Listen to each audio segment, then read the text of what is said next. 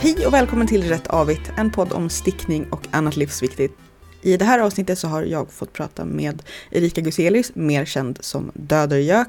Men först så vill vi tacka alla er som har eh, stöttat oss på Patreon. På patreon.com rattavit så kan man gå in och stötta vårt arbete med podden med valfri summa pengar eh, och man kan självklart fortsätta lyssna utan att stötta oss också. Eh, vi vill tacka Susanne Sköld, Kristina Berntsson, Annika Jonsson, Ylva Staberg och Anna KV som har stöttat oss. Och så har vi några till som har stöttat oss men som inte tyckte att de behövde något tack. Men vi tackar dem också. Och förstås alla er andra som lyssnar. Men som sagt, ni kan gå in på Patreon och kolla själva hur det funkar där. Tack för att ni lyssnar, tack för att ni finns. Nu kör vi en intervju. Hej Erika! Hej Julia! Eller Dödergök, som folk kanske känner dig mer på, på internet. Ja. Var, varför valde du namnet Dödergök från början? Ja, det där är en sån där lång historia. Jag drar den lite kort. Eh, jättemånga har undrat det här under åren. Eh, det kommer sig egentligen av Evert Taube melodin, Vals i Gökottan. Jag vet inte, jag fastnade för namnet Dödegök, för det förekommer ju där. Alltså det är ju det vanliga Dödegök, Södergök, Dödegök och hela det där. Och eh, sen så hände det sig vid den tiden att jag skulle välja någon slags internetnamn. Och då var Dödegök, det var liksom helt naturligt. Berätta lite om dig själv utöver att du är Dödegök. Eh, ja, det är ju utan att jag dödar gök. Jag, jag brukar försöka separera mig själv från den döda gök som har växt till någon slags eget monster. Men ja, jag är... Eh, jag vet inte ens vad jag ska säga om mig själv. Jag bor i Dalarna. Jag eh, är väl en medelålders kvinna vid det här laget. Fast jag känner mig som en tolvåring ibland. Eh, jag eh, Ja, hänger väldigt mycket med mina djur. Jag har en hel, ett helt menageri här hemma. Och jag, ja, jag liksom försöker hanka mig fram i det här som kallas livet. Stickningens hårda skola. Ja, ungefär så. Hur lärde du dig att sticka? Eh, jag lärde mig sticka när jag var, jag har försökt tänka efter sådär. Det är min mormor i alla fall som lärde mig och jag lärde mig nog när jag var fem eller sex år. Eh, och hon lärde mig bara räta maskor. Sådär som många gör. Och jag vet precis när det var, för det var att hon, hon stickade jämt. Och hon stickade inte sådär fancy saker utan hon stickade sockor framför tvn på kvällen. Mm. Och så vet jag att hon höll på med någonting annat och jag tjatade väl om att jag ville lära mig att sticka. Och sen så lär, jag vet precis hur hon lärde mig. Ja, här, så här. Och så stickade vi fram och tillbaks på en Ja, klassiska den lilla halsduken. hur, lång, hur lång blev den till slut då? 8 centimeter? Ja, ja, jag vet, jag kan inte minnas att den blev klar. Det har jag inget minne av. Men sen så lärde jag mig AV själv. Eh, för att jag var liksom jag stickade inte jättemycket när jag var ett barn men jag stickade ju lite, lite dockkläder och lite sånt där. Och då tyckte jag själv nog att rätamask blev så klumpigt. Och så tittade jag på, min mamma stickade också på den tiden mycket, nu stickar hon igen. Men, eh, och min mormor stickade som sagt mycket så jag hade ju mycket stickat runt omkring mig och så såg jag ju hur att slätstickning var ju lite mer fancy än rätstickning, vilket jag inte tycker längre, men i alla fall. Så då lärde jag mig aviga själv och det är därför som jag stickar vridna aviga. Mm, du, du och jag kompis. Det... Ja. Eh, och det tänker jag aldrig sluta med heller. så att, men nu, nu för tiden, för i början så var det ju så att jag allt, allt blev ju vridet. Det tog ganska lång tid innan jag förstod eh, hur jag skulle göra. Att jag måste vrida upp dem igen sen på det räta varvet. Men eh, ja, det, jag tyckte nog att det det dög, höll jag på att säga. Jag, hade liksom inte, det var ju säkert, jag var nog i 20-årsåldern innan jag insåg, men vänta nu här. Varför ser mitt ut sådär och varför ser någon annans ut på ett annat sätt? Så vad, vad var det första som du stickade som var liksom kanske lite mer på riktigt eller som du kände var på riktigt? Ja, jag eh, stickade ju, för som sagt när jag var barn så stickade jag ju no, några lite dockgrejer och lite så. Sen så började jag sticka mer på högstadiet. Eh, helt tvärt vad man kan tro så hade jag träslöjd, jag hade inte syslöjd. Eh, Men jag vet också att jag ville sticka på vantar och då gick jag nog i åttan tror jag och så frågade jag min mormor hur ska jag sticka på vantar? Och sen så visade hon mig med strumpstickor. Och sen bara, okej. Okay. Så gick jag på, det, det är liksom, de hade jag ganska länge också så de minns jag att var blå vantar. Allt, allt jag stickade i början av min karriär det var liksom från min mormors restgarns Eh, så sen avancerade jag men fast men, nu, blir, nu blir jag nyfiken. Hade din, din mormor då, hade hon uh, ullgarner eller akrylgarner? Hade äh, hon, hon mysiga grejer eller sticksiga grejer? Ja, men hon hade nog lite både och. Eh, min mormor var ganska gammal. Hon var född i början av 1900-talet. Så att hon, hon hade ju varit med om det liksom knapra 40-talet och sådär. Så hon sparade ju nog nästan allting. Hade hon en snutt över så sparade hon den. Vilket jag har ärvt. Jag sparar allt restgarn. Jag älskar restgarn.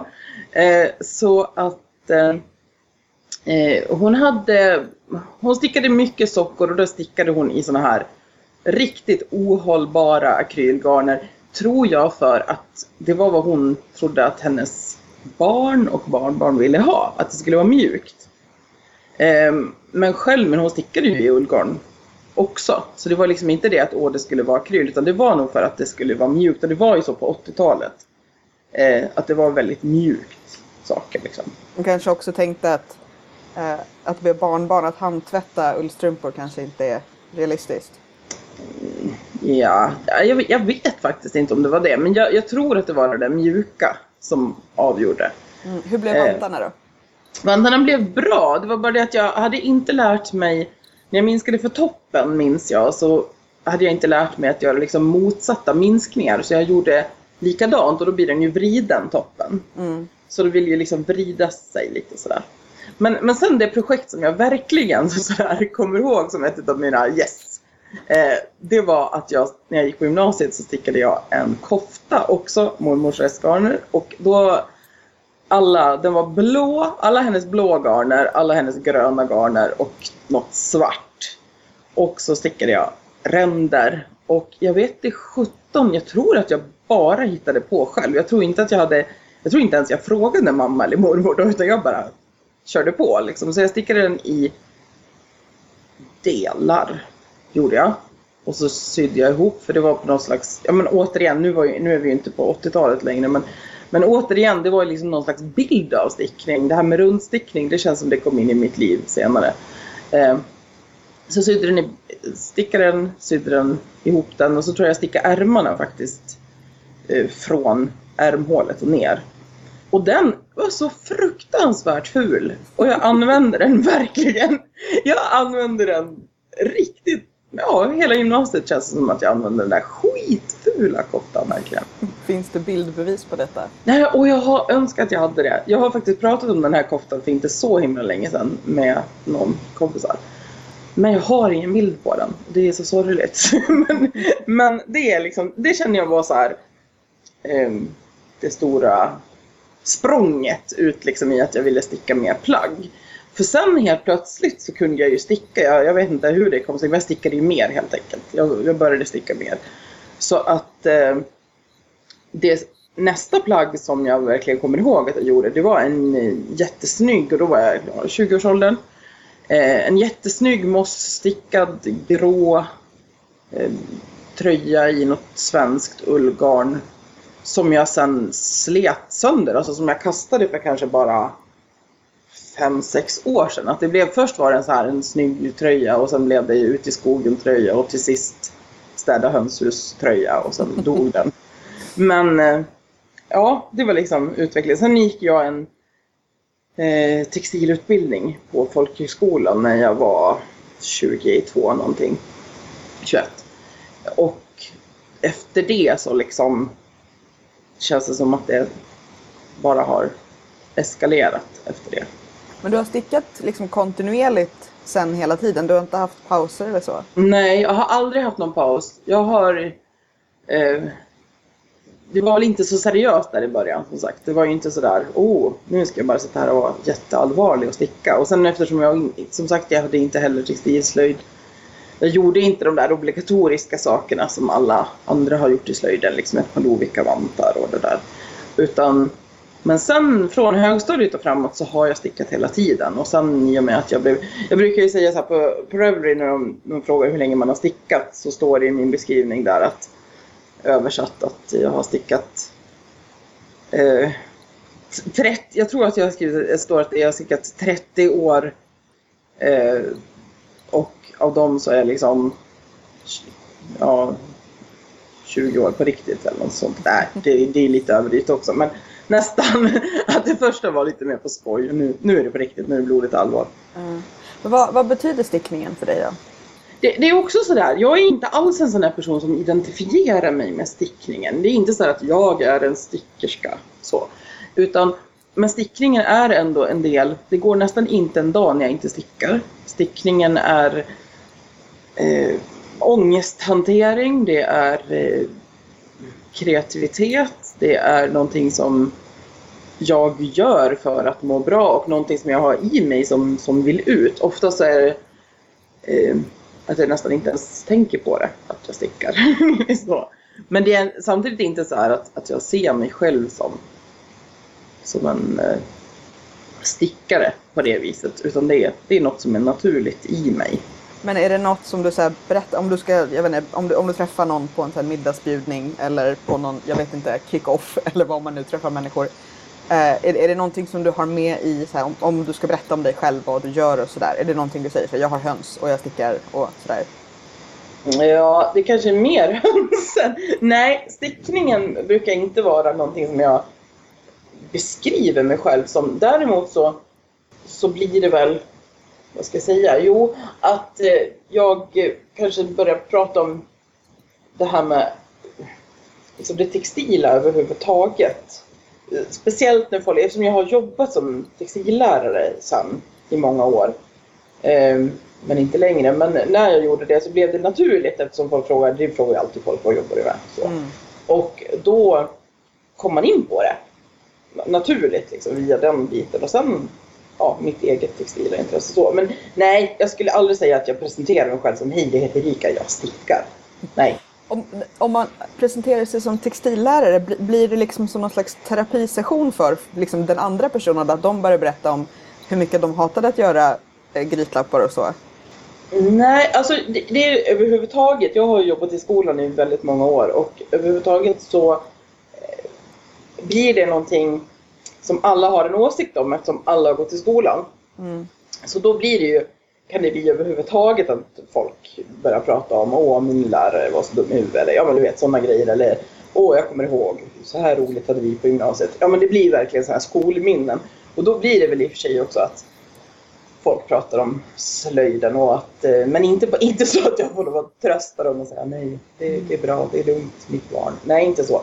Men att eh, det är klart att många har ju tyvärr en ganska eller ganska dåliga erfarenheter från textilslöjd. Det vet ju liksom när man lyssnar på er podd också. Det är inte, ni har inte alla så jätteglada minnen från textilslöjden kanske? Nej, det, det är lite så självkorrigerande att till och med om man har haft en bra slöjdlärare så kan man höra någon slags tänkt slöjdlärare i, i sitt huvud när man gör fel. Men du säger att så här, du, du stickar i princip varje dag. Om man, om man tänker så här, hur, hur, hur stor plats tar det utövrigt? Så att om du är ute och reser, letar du garnaffärer och sådär? Jag är ju så svältfödd på garnaffärer eftersom jag bor i en väldigt liten stad, eller jag bor ju inte ens i den lilla staden längre. Nu bor jag i den lilla, lilla byn utanför den lilla, lilla staden. Så att jag har i stort sett under här, de här åren som man säger jag har stickat på riktigt allvarligt så har jag nästan aldrig varit in i en fysisk garnbutik. Det är ju väldigt speciellt.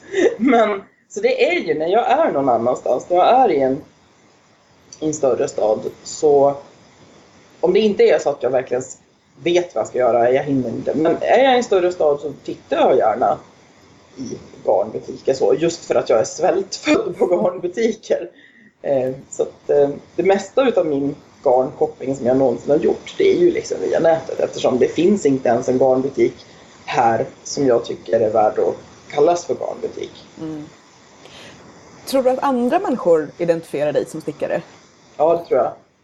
Eh, definitivt tror jag det. Men å andra sidan så tror jag kanske andra människor identifierar mig som eh, andra saker också. Men eh, jo, Det är klart, för att eh, om jag ska se bara till min familj och sådär, det är ju, de får ju alltid stickade julklappar. De får alltid liksom, de ser mig sticka kontinuerligt om man säger så.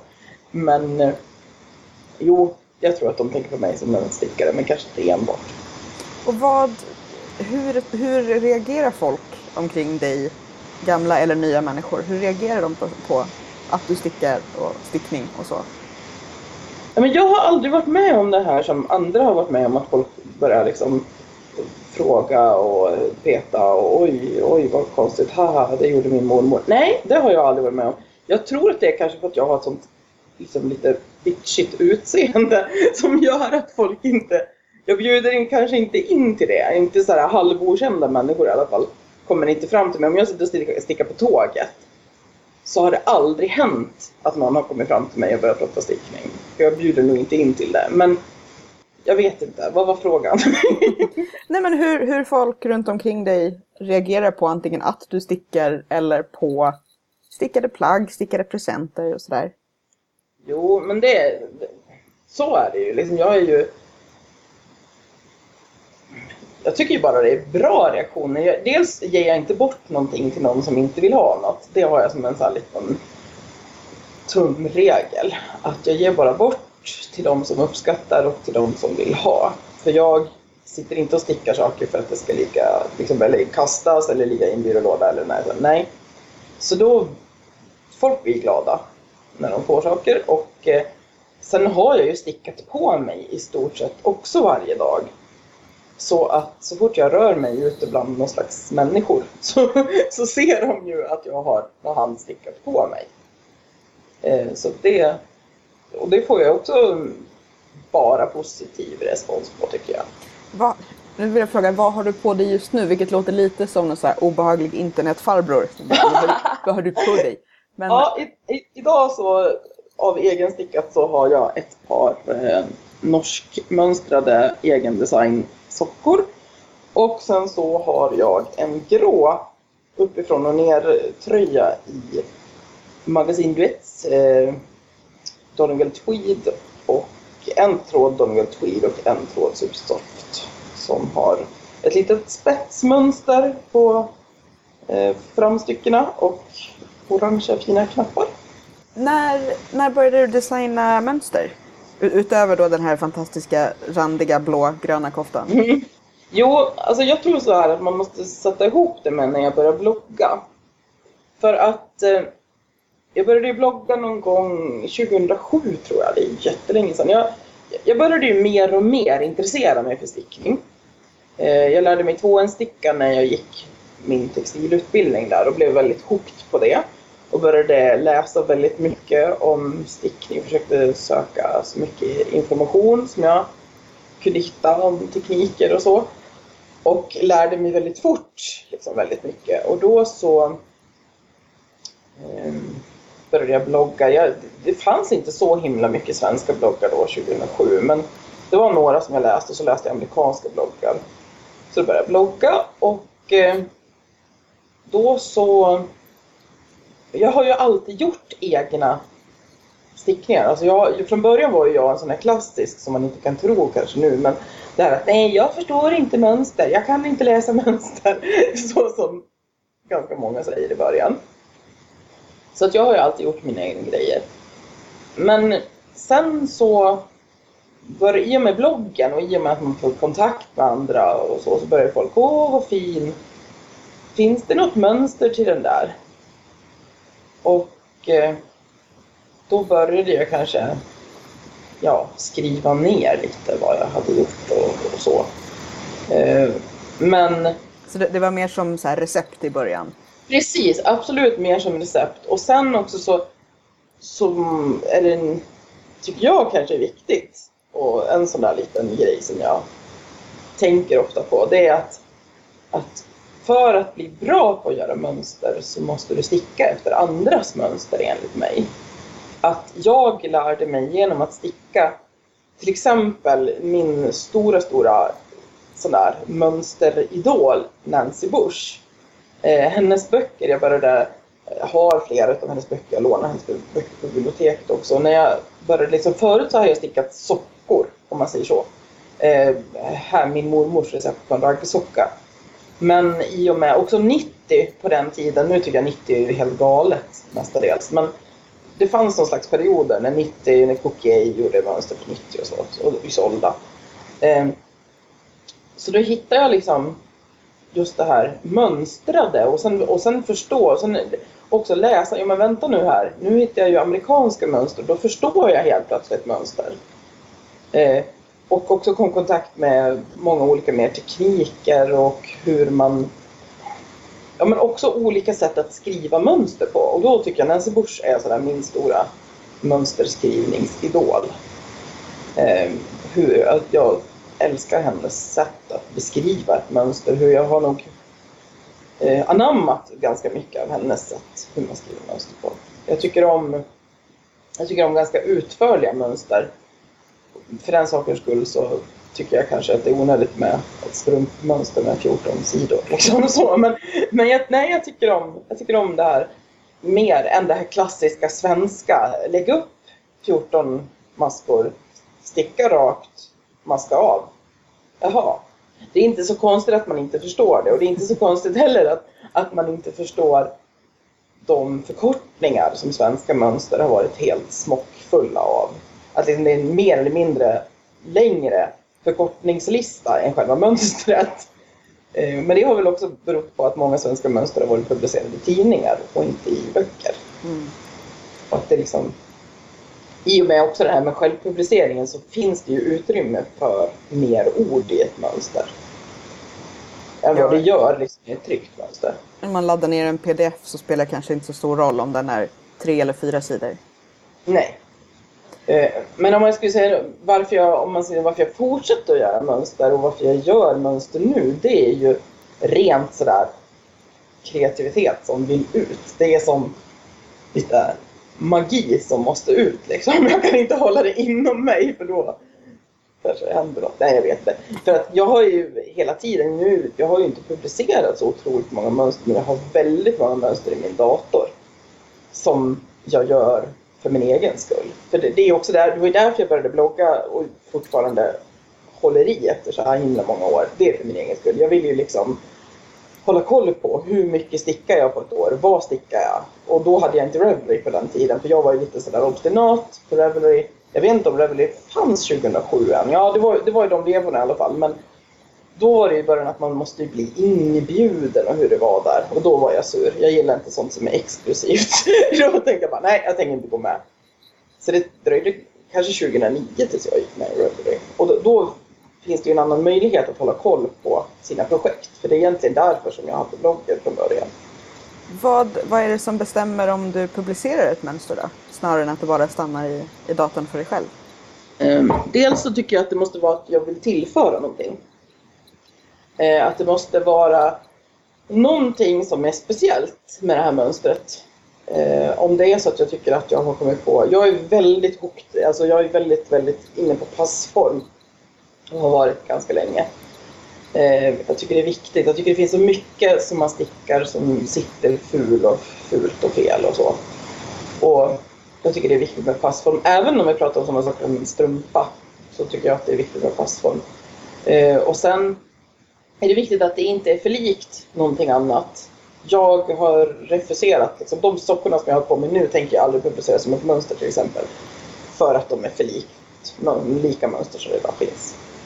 Så att det är viktigt att det finns någonting unikt och sen att, eh, att, det, att det blir rimligt, att det kan vara rimligt för en annan människostickare. För att eh, det är därför som väldigt många frågar mig om, om just de tröjor och koftor som jag gör. Åh, kan du inte göra ett mönster av det där?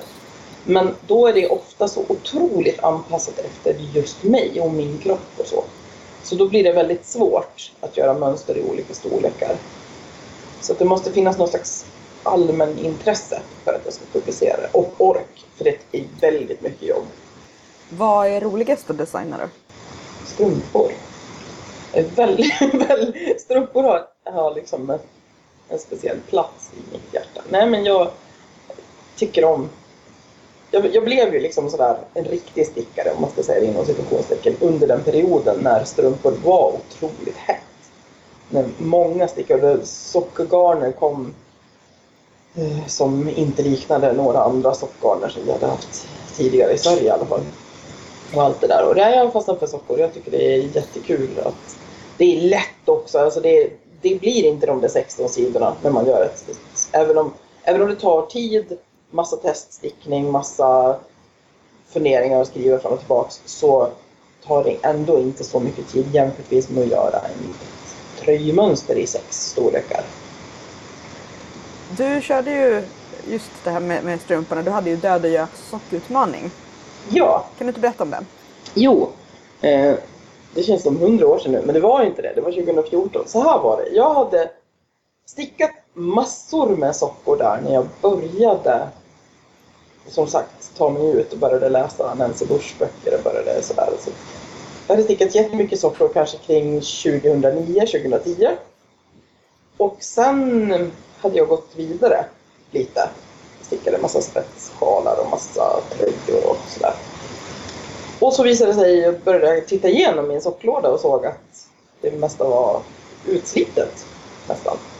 Så då kände jag så här, nej men nu måste jag utmana själv. Sen har jag stickat, jag har stickat in även innan dess massa sockor men gett bort väldigt mycket.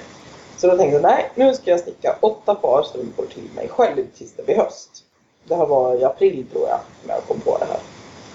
Och sen vet jag inte riktigt varför. Jag bloggade någonting, jag skrev om det på Instagram tror jag. Herregud, jag har Instagram så länge. Ja. Eh, och, och sen blev det, alla blev helt jag, jag, jo, jag gjorde en hashtag till mig själv, dödgöksockretmaning, bara för att jag själv skulle samla liksom, någon slags motivation tror jag. Också för åtta par är ju ganska mycket då. Sådär. Um, och sen, sen vill jag också, jag ville göra någonting, det, det, var lite konkret. Jag vill ha nya sockor och de ska vara till mig själv. Uh, jag vill gärna testa lite andra hälar eller någonting som jag inte har testat förut. Och sen blev folk så himla peppade av det här eller någonting. Det blev liksom växte till någonting som jag inte ens förstod hur stort det blev. Så att då startade jag ju en blogg som hette Rödgök dit man... Jag tänkte ja, ja, okej. Vi får väl se hur många som vill anmäla sig där.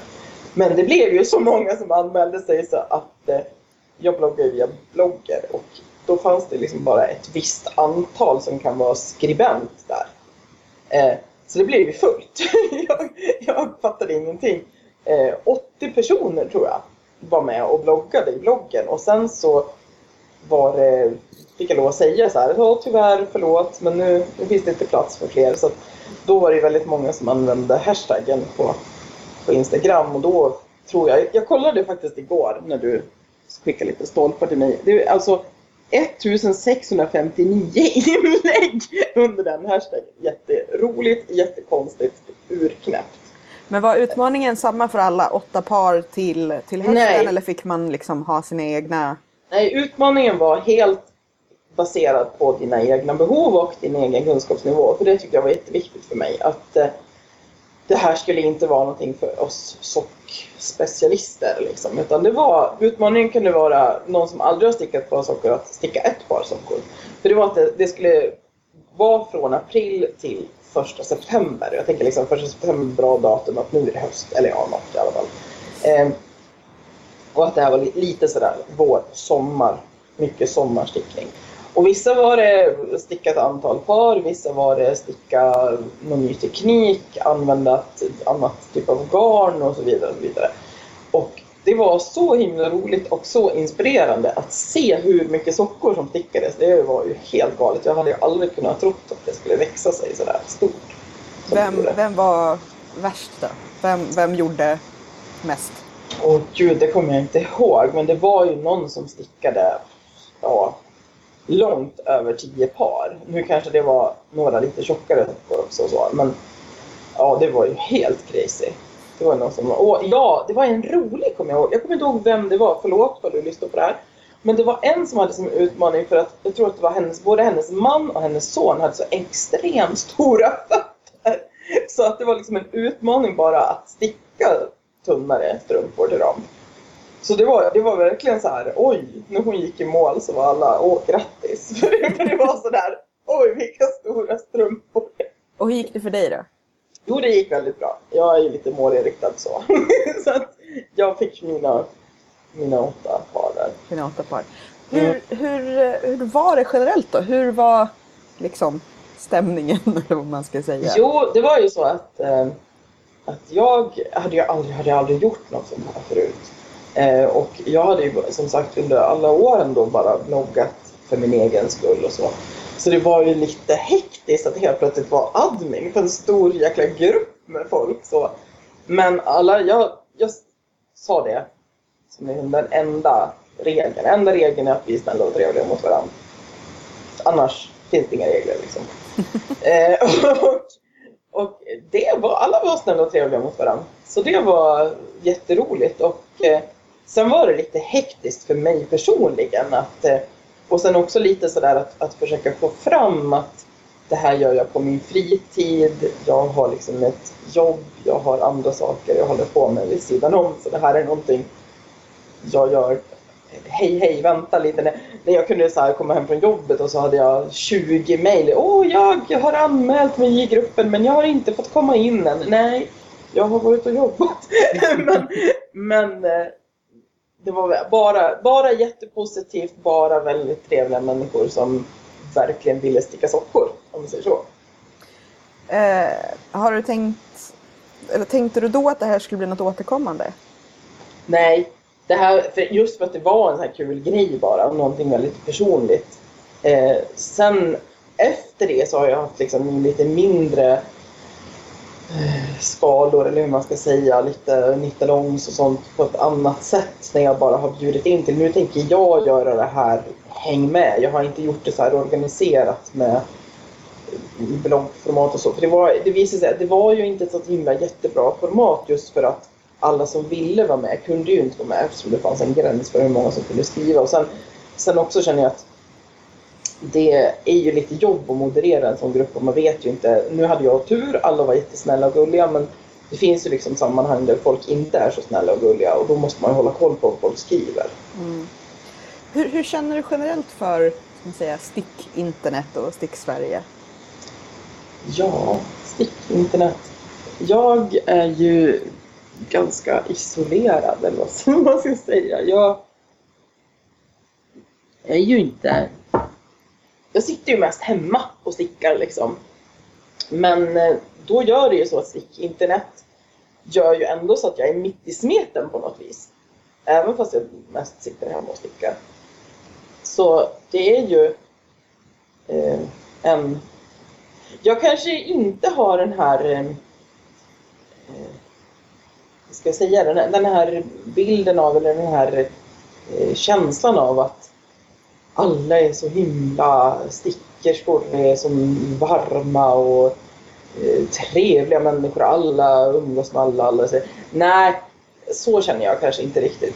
Men däremot så finns det, tror jag, ett stickinternet för alla som stickar. Att man hittar sin, sin grupp med människor som man tycker om och som stickar sånt som man själv tycker om. Och för jag, kan ju, jag känner det att jag kan bli lite bortskämd. Att jag kanske tänker att nej men, det är väl ingen som stickar i akryl, kan jag tänka. För att i min värld är det ingen som stickar i akryl. Men det är klart, det är jättemånga människor som stickar i akryl. ja, du har ju ungefär 6000 följare på, på Instagram. Hur, liksom, vad, vad får du för respons. Du behöver inte berätta hur många läsare du har på, på bloggen. Men jag Nej, det är, helt, det är helt galet många läsare jag har på bloggen. Eller det var helt galet då när bloggen var som störst. Då kände jag mig liksom nästan lite, lite kvävd av den där döda gök. eh, men vad, det... vad, känner du att du får för liksom, respons och input och, och kommunikation från, från dina fans? Oh, ja, usch, säg inte så fans. Eh, nej, jag tycker att det är eh, det är jätteroligt att ha kontakt med andra som stickar eftersom i min vardag, och nu har min mamma börjat sticka igen, så nu stickar hon. Men annars så i min vardag, de som jag träffar vecka ut och vecka in, så är det ingen som stickar. Utan det är bara jag. I stort sett då, förutom mamma. Eh, och eh, det är ett sätt för mig att prata om det som jag på något sätt andas och lever varje dag utan att jag för den sakens skull lägger ner så mycket tankemöda på det som jag ju redan har sagt. Så det är, det är ju jätteroligt och eh, inspirerande. Det är ju väldigt mycket av, av den inspirationen som, som jag får. Det kommer ju den vägen. Den kommer ju liksom genom stick-internet. Om det så är bloggen eller nu då mycket Instagram. Mm. Eh, Vad är det ballaste du har gjort eller fått göra när det gäller stickning, organ och fiber? Oj, ja. Det är ju via den här Döda gök då. Eh, så har jag ju jag, älskar att du, jag älskar att du liksom pratar om det som att det är någon så här jobbigt alter ego som kommer fram ja. som du inte kan kontrollera. Så det, är din, ja, men det, det är precis så. Det är exakt din Mr Hyde. Ja, ja, exakt så är Döda gök. Eh, ibland så växer hon sig alldeles för stor så då måste man putta ner henne några hack. Eh, nej, jag har ju fått gjort saker som jag aldrig skulle ha gjort annars. Jag har varit ute i Sverige och Eh, haft kurser. Det, helt, det tycker jag är jätteroligt. Det är någonting som jag, eftersom jag är någon slags pedagog i själ och hjärta, så älskar jag det. Det är jätteroligt att kurser. Jag har fått träffa människor, jag har blivit nära vän med människor som jag aldrig skulle ha träffat annars om det inte var för stickningen och eh, just också stickningen på nätet. Ehm, och sen så har jag ju fått ett, alltså just kommit i kontakt med material, med garner, med saker som inte heller skulle ha nått mig annars i liksom, den situation som jag är i. Så, man bor på landet och det, ja, hände inte så mycket. I, inte, inte på det viset hände inte så mycket som sagt, som jag inte ens har en garnaffär att gå till. Så det, det är jättemånga sådana saker och många möten med folk som aldrig skulle bli av annars. Och sen, sen är det ju jättestort också det här när folk stickar mina mönster. Det är ju någonting som man kanske kan tro att ja, det kanske man inte bryr sig så mycket om, men det gör jag verkligen. Jag tycker det är jätteroligt. Och jag är också mån om, jag är ju inte så supersocial av mig så, men och jag kanske inte svarar på alla kommentarer, eller jag gör inte det, jag hinner inte det, jag kan omöjligt göra det. Men är det någonting som rör mina mönster så är jag jättenoga med att svara på mejl och kommentarer och så. För att jag tycker att det är så stort, så som det är nu. Jag vet inte om du håller med mig, men jag och mina stickvänner, vi har pratat om det här ganska nyligen, att, att det känns som att nu för tiden så är folk eh, mycket mer restriktiva med vad de stickar. För ett tag sedan när den här stickbommen eller ja, var lite nyare så var det lite mer stickglädje. Det var lite mer så här, oh, jag bara lägger upp och nu har jag 20, men det gör inget. Jag har 20 olika projekt igång. Nu måste jag lägga upp det här, för titta nu har Isolda släppt en ny tröja liksom. Nu måste jag lägga upp den.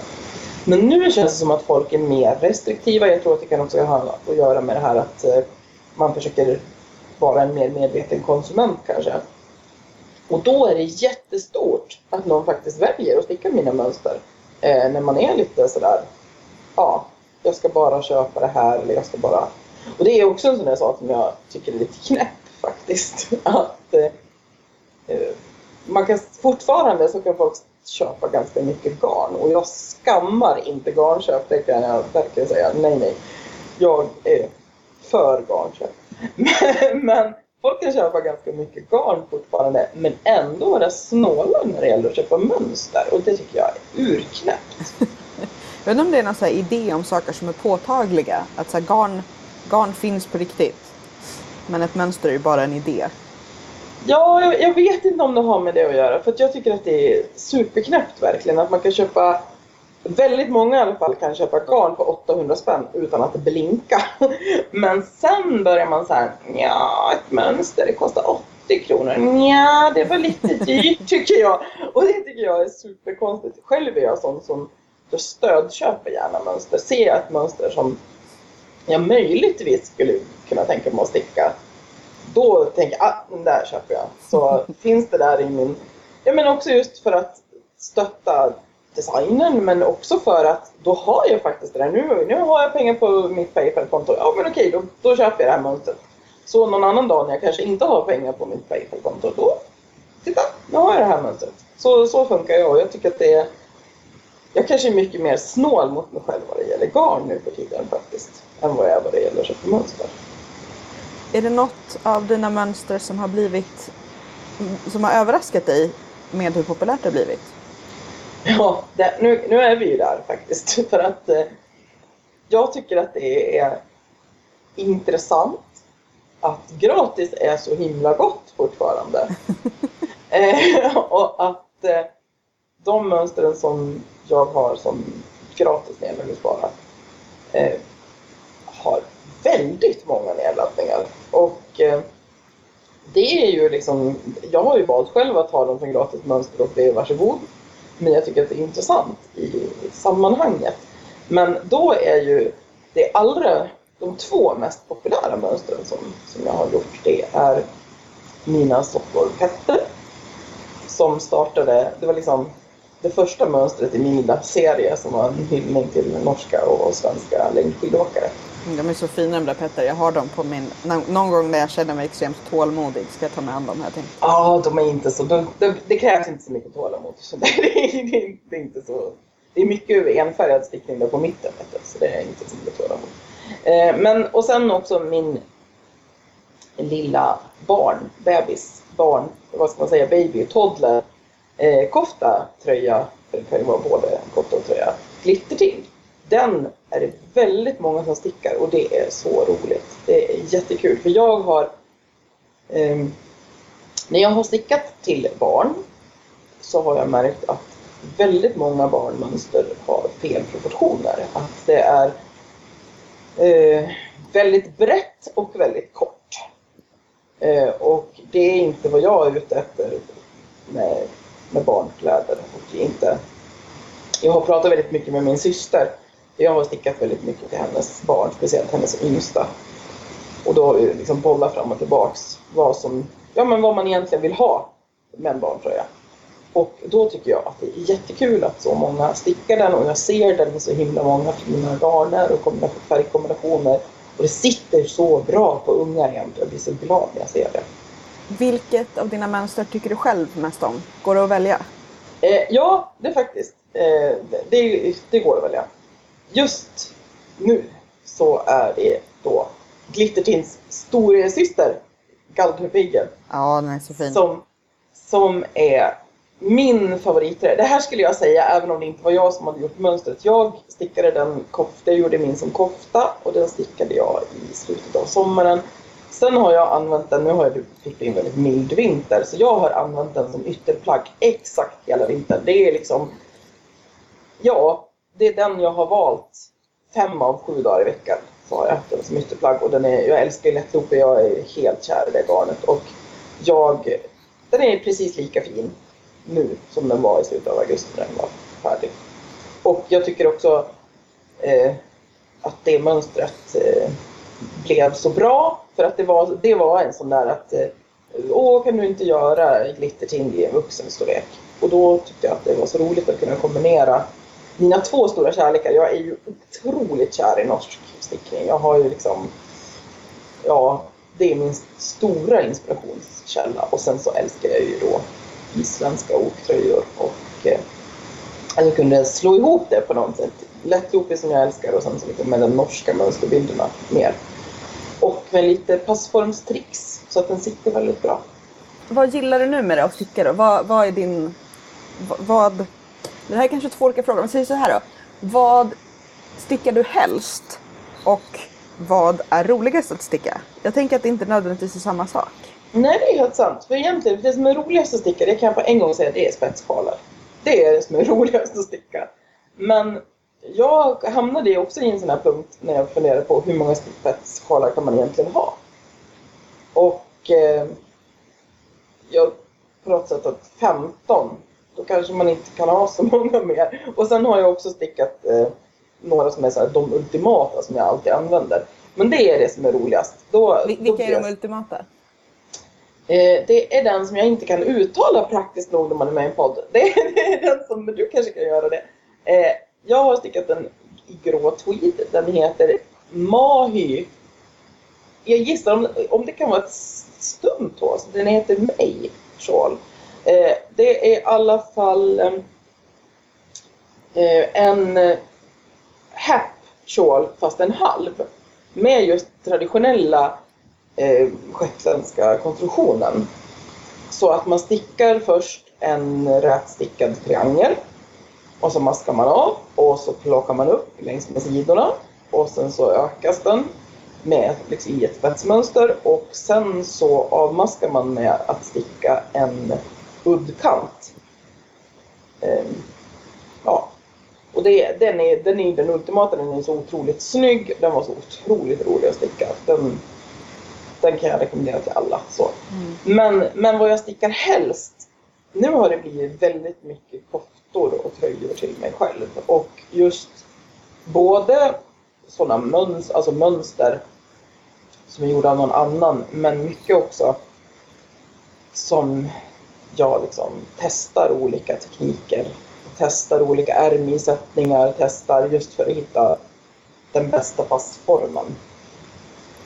Så det, det är det som jag stickar mest just nu. Sen slinker det alltid med eh, strumpor. Just, just nu så, när vi står och pratar, sitter jag med en liten babybyxa i handen. Så små projekt eh, är ju alltid välkommet liksom. Men annars är det koftor och tröjor. Om vi frågar det vi alltid brukar avrunda med. Vad, vad är du sugen på att sticka just nu? Åh, oh, jag är ju otrolig. Ja, dels är jag ju jättesugen på att sticka så här, provsticka massa små norska babybarnmönster. Det finns så himla mycket fint eh, som jag är sugen Men det största suget är ju nästan alltid lättloopig. Så nu är jag jättesugen på att sticka en eh, tröja till mig själv. Att jag har faktiskt bara en, en, jag har en riddare som är tröja som inte är kofta. Så nu känner jag att ja, jag vill ha en tröja till lättloopig. Sen om det blir eh, något eget påhitt eller om det blir något jag gillar jättemycket den här Vädermannen. Mm -hmm. Um, som, min, som min Lisa och min mamma har, har stickat då ganska nyligen. Otroligt snyggt ok med ett um, tonat mönster. Så massor med färger som ligger som i bakgrunden. Uh, mycket, mycket snyggt. Weatherman heter den. Mm. Vad ser du fram emot? Har du några sådana här roliga saker inplanerade? Stickresor, kurser, sånt? Nej, jag har faktiskt... Eh, nej, jag är nog faktiskt helt lös och ledig det här året, tror jag. Nej, jag har ingenting inplanerat, men eh, det kan ju dyka upp någonting. det känns som att eh, jag har fått lite krokar utskickade. Så här. Det är många som, som vill, eh, vill att jag ska komma och göra saker. Jag har inte alltid möjlighet till det, men någon tvåenstickningskurs ligger på något slags väldigt löst planeringsstadie. Jag skulle jättegärna någon gång vilja ha en kurs i närheten av mig själv. För att jag är, känns som att jag alltid åker ganska långt bort och så kommer jag någonstans och så är jag jättetrött och eh, sådär lite disträ. Så det skulle vara jättekul att, att göra någonting lite mer hemma här i Dalarna. Så vi får se. Det kanske händer. Utöver kurs på hemmaplan, har du någon så dröm aktivitet eller resa eller så? Ja, alltså jag är ju så här skittråkigt bara vill vara hemma. Men jag har ju två så här stick som jag skulle vilja. Jag vill åka till Gotland och göra något sån här riktigt stickigt på Gotland. Och sen så, alltså Shetlandsöarna känns som en riktig, riktig dröm. Gärna så här när det är dåligt väder. Jag kanske inte åka flyga när det är dåligt väder. Men, men just det där karga, blåsiga, blöta. Det tilltalar mig mm. enormt. Sen romantiserar jag nog det otroligt mycket också, men det är en annan sak. Är det något mer som du skulle vilja berätta om? Ja, alltså det, det kanske är det att um, det här med att göra mönster. Jag kanske ska slå ett slag för det igen då. Nu, nu när jag fick liksom chansen att, att man ska tänka på um, hur mycket tid det tar Även om människor gör det för att det är kul som jag. Jag gör det för att det är roligt. Jag gör det inte för att tjäna pengar utan för att det är roligt. Eh, men att eh, man kan tänka på det. Att det faktiskt är värt någonting att, eh, att betala en slant till dem som har gjort ett mönster. För att det ligger så otroligt mycket mer tid bakom än vad många tror tror jag. Och vad många... Jag gjorde ett eh, jag har gjort ett vantmönster här under vårvintern och eh, då har jag alltså stickat sex vantar innan jag kan publicera mitt mönster. Så det är inte bara det att sitta vid datorn utan det är även stickandet och att det är värt någonting och att man eh, kanske vill ge någonting tillbaks till, till den som har gjort mönster. Och att också om man inte betalar för sina mönster så kommer det inte finnas någon som vill hålla på med det. Om man säger så. Och då tunnas utbudet rejält ut tror jag med tiden. Så krama en designer och, och ge dem sen 50 kronor. Ja, ungefär. Det, det var det är mycket bra sammanfattat. Eller fråga först om, du, om du får krama dem. Ja, precis. Fråga först om du får krama. Det är inte säkert att du får det med alla, men Mm. säkert de flesta. Vad är du sugen på för färger just nu? Och jag, jag är sådär lite knäpp. Jag brukar gå efter naturen nästan. Nu när det har varit sådär gulbrunt, eh, lite så, då blir jag väldigt sugen på sådana jordiga eh, toner och så. Annars så har jag ju mina standard. Jag är ju liksom alltid, alltid senapsgult, alltid någon slags odefinierbar konjak blir jag alltid kär i. Ja, det är jätteroligt. Om jag tittar på mina projekt på Reverie som jag har gjort av mina favoriter så skulle jag säga att säkert 50 procent av dem är någon form av gul, gulbrun. Så. så det är jag alltid. Och sen så, så är jag ganska sugen på någonting knallrosa. Vi får se om jag kan få upp det. Mm. Och om man vill hitta dig på internet så finns du på Instagram. Ja, som Dodergok eftersom Instagram är så löjligt och inte förstår ö. Och så finns bloggen. Ja. Och så finns jag på Reverie som Death Cuckoo eftersom Reverie inte heller förstår sig på ö. Eh, och bloggen det är dodergok.blogspot.com.